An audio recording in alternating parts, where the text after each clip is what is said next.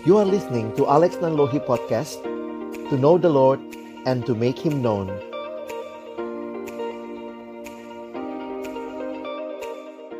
Bapa di dalam surga kami datang dalam ucapan syukur malam hari ini. Terima kasih Tuhan Karena sungguh Engkau baik dan Engkau menyatakan kebaikan-Mu di dalam kehidupan kami. Kembali hari ini kami bersekutu memuji memuliakan namamu dan tiba waktunya untuk kami membuka firman-Mu. Kami mohon ketika kami membuka firman-Mu, bukalah juga hati kami. Jadikanlah hati kami seperti tanah yang baik, supaya ketika benih firman Tuhan ditaburkan, itu boleh sungguh-sungguh berakar, bertumbuh, dan juga berbuah nyata di dalam kehidupan kami. Berkati baik hambamu yang menyampaikan semua kami yang mendengar, Tuhan tolonglah Agar pada akhirnya kami bukan hanya jadi pendengar-pendengar firman yang setia, tapi mampukan dengan kuasa, dengan pertolongan dari rohmu yang kudus, kami dimampukan menjadi pelaku-pelaku firman-Mu di dalam kehidupan kami, di dalam keseharian kami. Bersabdalah ya Tuhan, kami umat-Mu sedia mendengarnya. Dalam satu nama yang kudus dan berkuasa, nama Tuhan kami Yesus Kristus kami menyerahkan pemberitaan firman-Mu. Amin. Shalom. Selamat malam Bapak Ibu Saudara yang dikasihi dalam Tuhan Yesus Kristus. Senang sekali malam hari ini saya boleh uh, dapat kesempatan yang indah untuk sharing firman Tuhan untuk Bapak Ibu Saudara sekalian. Dan terima kasih juga untuk pengurus tentunya yang boleh memberikan kesempatan ini untuk saya boleh sharing firman Tuhan. Ini merupakan satu bagian yang saya beri judul untuk malam hari ini yaitu Allah yang hidup. Tentunya kita kenal Allah kita, tetapi seberapa banyak dari kita yang benar-benar mengalami kehadiran Allah di dalam kehidupan kita. Malam hari ini Bapak Ibu Saudara kita akan belajar di kitab Daniel. Ada satu bagian dalam kitab Daniel yang saya akan angkat bagi kita. Apa sih artinya memiliki Allah yang hidup. Ternyata tidak ada satupun hal yang ada di dalam Alkitab, khususnya Perjanjian Lama, yang hanya sekadar cerita belaka bagi kita. Di dalam kitab Roma pasal yang ke-15 ayat yang keempat, Rasul Paulus bahkan memberikan penegasan. Sebab segala sesuatu yang ditulis dahulu, jadi yang ditulis dulu, ini berarti perjanjian lama, ditulis untuk menjadi pelajaran bagi kita. Supaya kita teguh berpegang pada pengharapan oleh ketekunan dan penghiburan dari kitab suci. Sehingga Bapak Ibu Saudara yang dikasihi Tuhan, mengerti bahwa Allah kita adalah Allah yang hidup, itu bisa kita pelajari hari ini dalam kitab uh, Daniel. Ini bukan sekadar supaya kita punya pengetahuan, tetapi supaya kita teguh berpegang pada pengharapan oleh ketekunan dan penghiburan dari kitab suci. Ada satu hal yang menarik kalau berbicara tentang Daniel, Bapak Ibu Saudara ya. Kadang-kadang kalau kita bilang, wah yang dibahas Tuhan Yesus, wah rasanya kayaknya sangat luar biasa ya. Tetapi Alkitab juga berbicara bahwa ada orang seperti Daniel. Daniel bukanlah nabi. Daniel adalah seorang pegawai ya. Kalau kita katakan dia PNB Bapak Ibu Saudara ya, pegawai negeri Babel. Karena waktu itu Daniel diangkut ke pembuangan di Babel. Sehingga ini relate dengan hidup kita. Kadang-kadang kalau firman diberitakan kita bilang, "Wah, itu Tuhan Yesus sih sempurna banget." begitu ya. Tapi hari ini kita akan melihat kehidupan Daniel. Salah satu yang menarik dari hidup Daniel adalah integritasnya. Apa sih integritas? Bisa dikatakan integritas itu adalah integrity is doing the right thing when no one is watching. Integritas adalah melakukan hal yang benar, hal yang tepat, bahkan ketika tidak ada orang yang memperhatikan atau mengawasi atau melihat kita. Kadang-kadang saya ingat dulu kalau masih mahasiswa naik bus begitu ya. Kalau naik bus gitu ya, kalau ternyata nggak ada yang ngelihat kiri kanan kosong, wah buang sampahnya di bawah ya, langsung di lantai begitu. Tapi kalau ada yang lihat, oh pura-pura dikantongin begitu ya, itu berarti kurang integritas saudara ya. Karena hanya melakukan ketika ada yang melihat. Dan saya pikir Daniel seorang pegawai yang dia punya integritas dan bagaimana memahami integritas ini. Saya ingin mengajak kita melihat bahwa rahasia Daniel memiliki integritas adalah karena Daniel dia mengenal siapa Allahnya. Nah, ini Bapak Ibu yang menarik dalam belajar kehidupan Daniel. Daniel mengenal siapa Allahnya. Sehingga bagi kita yang uh, Bapak Ibu Saudara, orang yang bekerja menjadi pegawai di sebuah uh, bank ya tentunya dalam konteks kita adalah orang-orang yang kita rindukan mengenal siapa Allah kita sehingga pengenalan akan Allah itu bukan hanya sesuatu yang bersifat pengetahuan tetapi menjadi sesuatu yang kita hidupi dan berdampak di dalam keseharian kita. Dan itulah yang kita pelajari dari kehidupan Daniel. Kalau kita ingat kisah-kisah yang luar biasa bagaimana Daniel uh, menghadapi tantangan yang tidak mudah karena pilihannya waktu itu mau kompromi ataukah harus hidup menderita. Bahkan ancamannya adalah nyawa. Kita masih ingat tiga teman Daniel yang bisa disingkat SMA ya. Sadrak, Mesak, dan Abednego. Bagaimana mereka menghadapi tantangan yang sulit pada waktu itu. Apa tantangannya Bapak Ibu Saudara? Kalau kita perhatikan waktu itu, mereka diminta untuk menyembah. Ketika ada patung yang didirikan oleh Nebukadnezar dan mereka memilih tidak menyembah. Dan apa tantangannya? Mereka harus masuk ke dapur perapian yang menyala-nyala. Tapi dari tempat itu kita melihat Tuhan menyelamatkan. Orang-orang muda yang punya integritas. Dan perhatikan nanti, kalau kita lihat kehidupan Daniel sampai masuk gua singa, Bapak Ibu. Dan ini menunjukkan bahwa dia punya integritas karena dia kenal siapa Allahnya. Nah, Allah seperti apa yang Daniel kenal? Nah, saya mengangkat satu bagian firman Tuhan yaitu di Daniel pasal yang kelima ayat yang ke-23. Singkat cerita kalau Bapak Ibu baca seluruh Daniel pasal yang kelima, pada waktu itu Raja Belsasar mengadakan perjamuan besar. Dan dia mengambil perkakas-perkakas dari rumah Allah yang dulu dimiliki atau diambil ayahnya. Dan kemudian mereka makan minum dengan perkakas-perkakas itu. Lalu yang terjadi mereka tidak hanya makan minum dengan perkakas itu, tetapi Alkitab menuliskan mereka menyembah. Sehingga inilah penyembahan berhala yang terjadi. Dan apa yang menjadi dampaknya akhirnya muncul punggung tangan yang menulis Mene Mene Tekel Ufarsin. Tidak ada yang bisa mengartikan itu sehingga mereka mencari siapa kira-kira yang bisa mengartikan tulisan yang muncul itu dan akhirnya mereka menemukan Daniel. Wah, Daniel ini karena punya berbagai-bagai hikmat, Daniel lah yang diminta untuk mengartikan. Nah, menarik sekali sebelum Daniel memberitahu arti dari tulisan itu, ini adalah kalimat Daniel. Daniel 5 ayat 23, Daniel tidak hanya datang ke istana memberitahu arti tulisan itu, tetapi Daniel ini di kalau Bapak Ibu baca ya, Daniel menegur ya, dia menegur Raja Belsasar. Perhatikan kalimatnya. Tuanku, nah itu si raja ya. Tuanku meninggikan diri terhadap yang berkuasa di sorga. Perkakas dari baitnya dibawa orang kepada tuanku, lalu tuanku serta para pembesar tuanku, para istri dan para gundik tuanku, nah telah minum anggur dari perkakas itu. Bukan hanya sampai di situ, perhatikan. Tuanku telah memuji-muji dewa-dewa dari perak dan emas, dari tembaga, besi, kayu, dan batu. Dan Daniel memberikan kritiknya terhadap semua berhala itu. Perhatikan kalimatnya.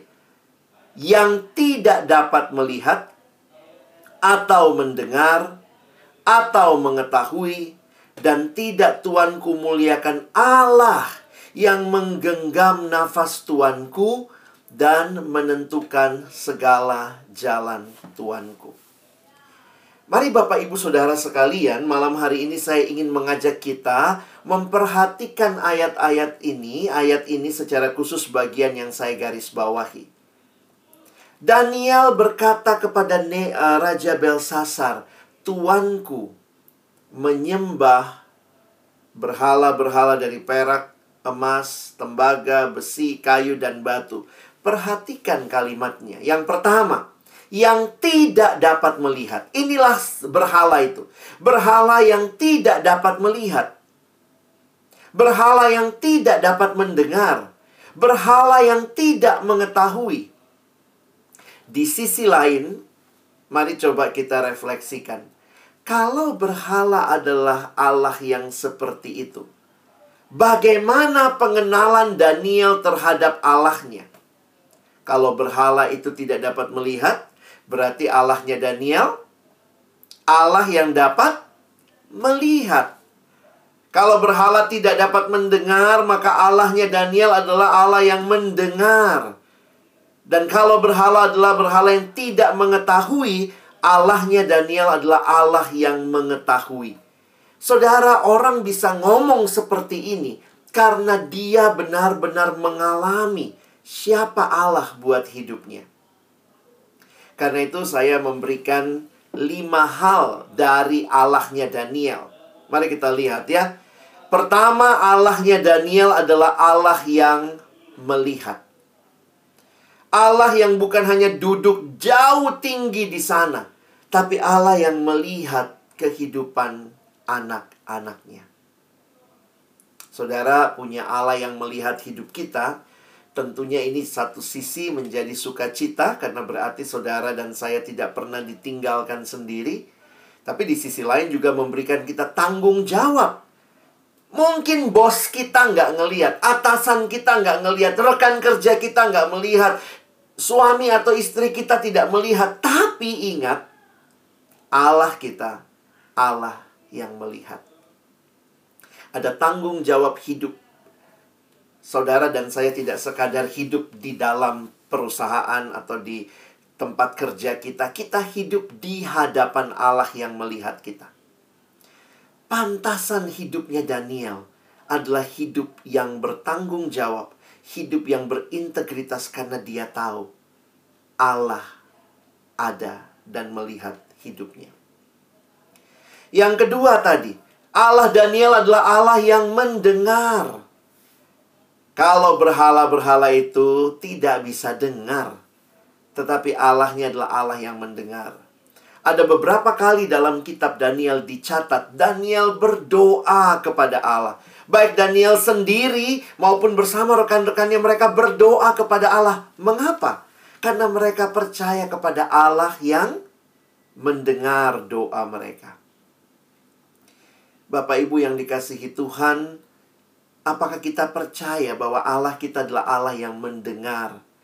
Dia bukan hanya Allah yang minta disembah, tapi Dia Allah yang bahkan juga memberi telinganya kepada saudara dan saya, mendengar keluh kesah mereka.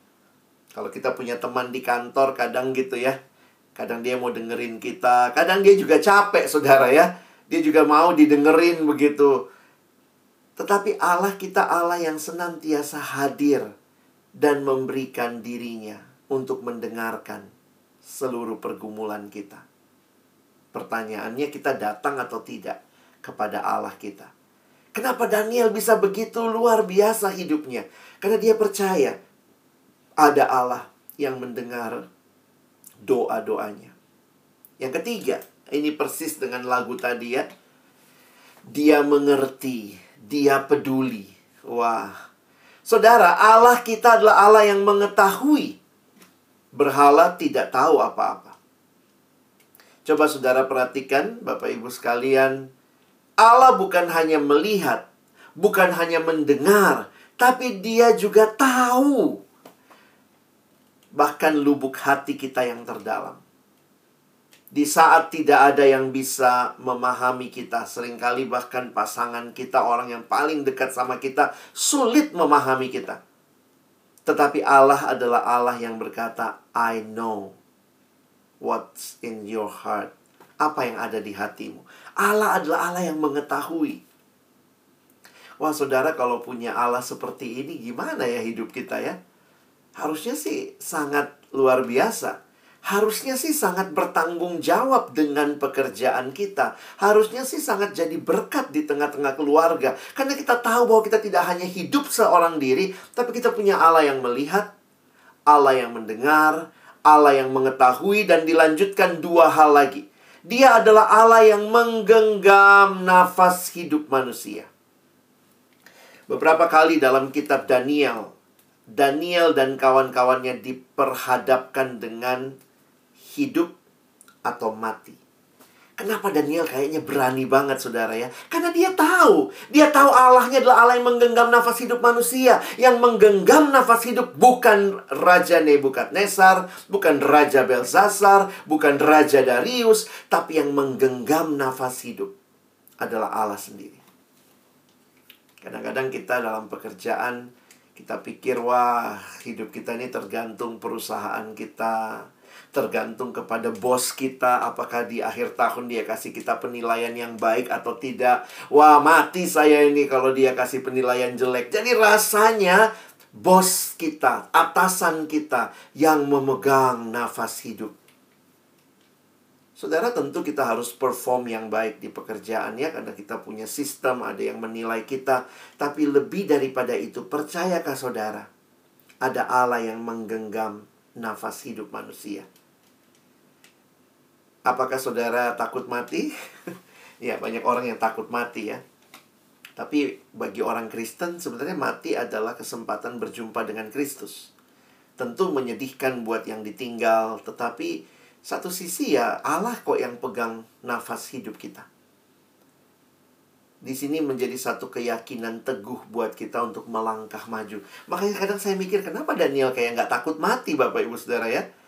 Ini bukan Daniel gagah-gagahan. Dia tahu Allahnya. Dia tahu bahwa hidup mati itu bukan tergantung raja.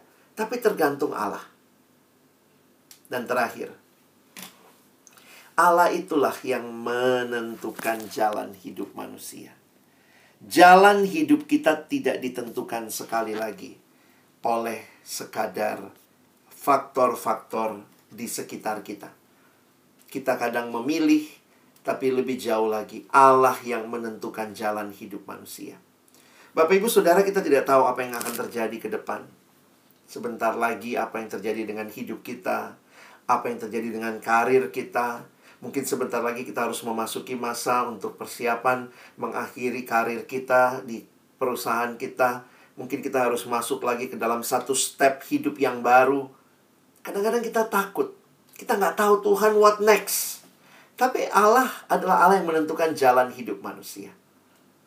Ada orang yang merencanakan hidup panjang ke depannya, ada juga yang nggak tahu sih ke depan apa. Tapi pertanyaannya, baik kita yang biasa merencanakan hidup, maupun kita yang mungkin hidupnya flowing saja, apakah kita percaya ada Allah yang menentukan jalan hidup manusia?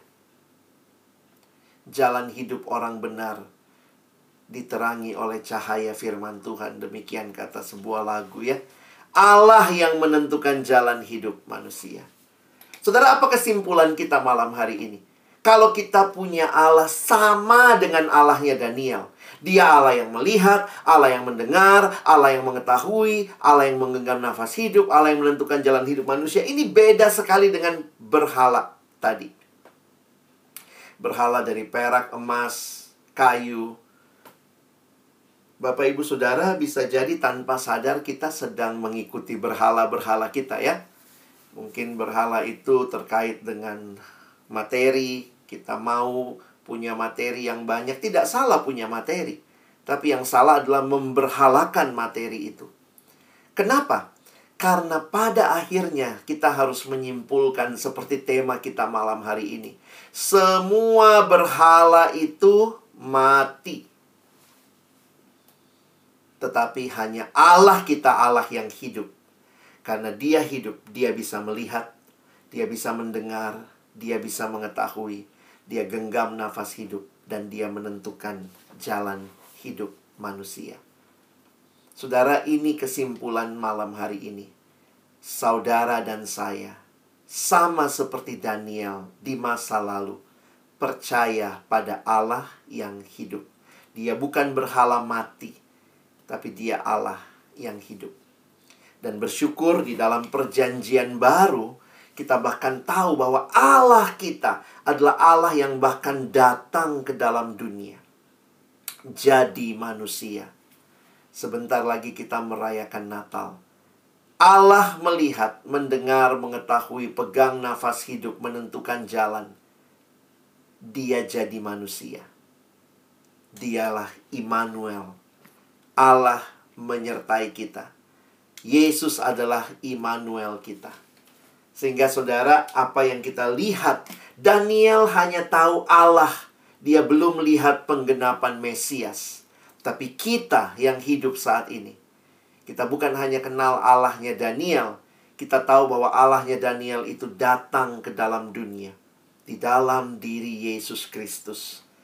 Sehingga dia benar-benar hidup di tengah-tengah manusia apa yang dia lakukan bagi kita? Dia datang menyerahkan hidupnya bagi kita. Dia bukan hanya peduli saja dengan persoalan kita. Dia peduli dengan jiwa kita. Karena itu Yohanes 10 ayat 10 Yesus berkata, pencuri datang hanya untuk mencuri, membunuh dan membinasakan. Ini programnya si iblis 3M. Mencuri, membunuh, membinasakan. Tetapi aku datang kata Yesus Aku datang supaya mereka mempunyai hidup dan mempunyai dalam segala kelimpahan. Hanya Allah yang hidup. Hanya anak Allah yang hidup. Yang bisa memberikan hidup kepada kita. Berhala tidak bisa memberikan hidup. Tetapi bagaimana dia memberikan hidupnya bagi kita? Alkitab mencatat jalan kehidupan yang Yesus lalui. Dia lalui melalui kematiannya. Saudara perhatikan Yohanes 10 ayat 10 indah ayatnya ya. Aku datang supaya mereka mempunyai hidup dan mempunyai dalam segala kelimpahan. Tapi bagaimana sampai kita mengalami hidup semacam ini? Perhatikan Yohanes 10 persis di bawahnya. Sekarang ayat 11. Bagaimana supaya kita hidup? Inilah ceritanya. Akulah gembala yang baik gembala yang baik memberikan nyawanya bagi domba-dombanya. Allah kita bukan hanya duduk di atas sana. Dia datang ke dalam dunia, dia berikan kita hidup, tetapi dengan jalan dia memberikan nyawanya. Inilah keindahan kehidupan Kristen, bahwa Tuhan memberikan kita hidup yang kekal. Saudara tidak usah takut hadapi kehidupan, mari berkarya dengan baik, dan kita percaya Tuhan pegang masa depan kita. Milikilah komitmen untuk bertumbuh karena saudara kita perlu kenal Tuhan ya. Jadi saya menyimpulkannya sederhana. Makin kenal Allah yang hidup, makin berani kita hidup. Saya ulangi. Makin kenal Allah yang hidup, ya makin berani kita hidup. Karena hanya Allah yang hiduplah yang bisa melihat, yang bisa mendengar, bisa mengetahui, bisa genggam nafas hidup kita, dan bahkan menentukan jalan hidup kita. Kalau kita pegangnya berhala yang mati, kita cuma pegang uang, kita takut kalau nggak punya uang, kita kumpulin banyak uang, nanti ke depan bagaimana kalau nggak punya uang. Kalau uang, uang, uang, tentu kita butuh uang, tapi uang adalah hal yang mati. Saudara perlu punya Allah yang hidup, karena dialah yang bisa membuat hidup saudara lebih hidup, bukan uang. Berhala yang mati miliki pengenalan akan Tuhan, terus bertumbuh. Makin kenal Tuhan, yang hidup, yang makin siap buat kita hidup. Ada tiga hal yang Tuhan berikan untuk kita bertumbuh sebagai bagian akhir khotbah malam ini. Bagaimana kenal Tuhan? Tuhan pertama kasih roh kudusnya. Saudara dan saya bisa kenal Tuhan. Kenapa? Roh kudus telah dicurahkan. Di dalam hati setiap kita yang percaya membawa kita makin mengenal Tuhan. Bisa kita kenal Tuhan? Bisa, karena Tuhan juga kasih firman-Nya. Firmanmu itu pelita bagi kakiku, terang bagi jalanku. Firmanmu itu kalau tersingkap memberikan pengertian. Melalui firman kita makin kenal Tuhan. Melalui firman kita makin kenal kehendak Tuhan. Maka pertanyaannya setiap pagi apa yang sebenarnya kita cari? Apakah kita memberi waktu membaca merenungkan firman setiap hari? Atau pagi-pagi kita udah cek ya, apakah sahamnya naik apa turun ya? kita cek apa yang kita cari pagi hari. Setiap pagi engkau mempertajam pendengaranku. Firman diberikan supaya kita makin kenal Tuhan. Tuhan kayak memberikan gambarannya. Dunia ini gelap, maka firmanmu lah pelita bagi kakiku. Terang bagi jalanku. Saudara mau bisa hidup di dalam dunia yang gelap ini, pakai firman Tuhan. Dan terakhir, Tuhan kasih kita komunitas. Saudara kita nggak bisa hidup sendiri ya. Sejak awal Tuhan sudah bilang tidak baik kalau manusia itu seorang diri. Bersyukur di kantor saudara ada persekutuan, ada komunitas, anak-anak Tuhan yang saling menopang, saling membangun. Inilah kesempatan kita kenal Tuhan lebih dalam. Tuhan berikan Roh Kudus, Tuhan berikan firman, Tuhan berikan komunitas untuk kita makin kenal Tuhan. Dan kalau kita makin kenal Tuhan, kita jadi makin berani hidup karena kita tahu Dia Allahku yang hidup. Selamat mengenal Tuhan yang hidup, karena Dia Allah yang dapat melihat, mendengar, mengetahui pergumulan kita. Dia pegang nafas hidup kita, Dia pegang jalan hidup kita. Karena itulah saudara dan saya berani untuk hidup berkarya di tengah-tengah keluarga, di tengah-tengah pekerjaan, di tengah gereja, masyarakat. Biarlah kehadiran kita menyatakan aku menyembah Allah yang hidup. Amin. Mari kita berdoa. Tuhan, terima kasih buat firman-Mu, kebenaran yang kembali menyegarkan hati kami di tengah-tengah tantangan dunia ini. Bahkan di tengah-tengah kami yang mungkin takut menghadapi hidup, kami yang khawatir dengan kehidupan, kami yang mungkin masih terus-menerus cemas dengan masa depan, tapi hari ini kami belajar rahasia Daniel bisa hidup berintegritas, bisa hidup berani, bisa hidup memberi yang terbaik karena dia sungguh kenal siapa Allahnya. Dan pengenalan itu berdampak dalam hidupnya.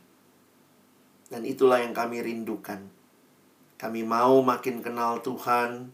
Kami mau makin cinta Tuhan supaya kami benar-benar bisa melihat masa depan dalam perspektif yang Tuhan mau. Berkati Bapak Ibu Saudara secara khusus dalam kehadiran di tempat pekerjaan biarlah sungguh melalui kehidupan kami nyata sungguh siapa Tuhan yang kami percaya. Sehingga seperti Daniel, orang-orang di zaman itu bisa memuliakan Allahnya Daniel. Karena pilihan-pilihan yang Daniel buat adalah pilihan-pilihan yang menyatakan dia mengenal Allah yang hidup. Tolong kami juga saat ini di dalam pekerjaan kami, di dalam rumah tangga kami, dalam keseharian kami biarlah hidup kami menyatakan Yesus sungguh hidup di dalam hati kami. Kami bersyukur untuk firman-Mu. Tolong kami bukan cuma jadi pendengar, tapi boleh jadi pelaku-pelaku firman-Mu. Dalam nama Yesus kami sudah berdoa, bersyukur. Amin.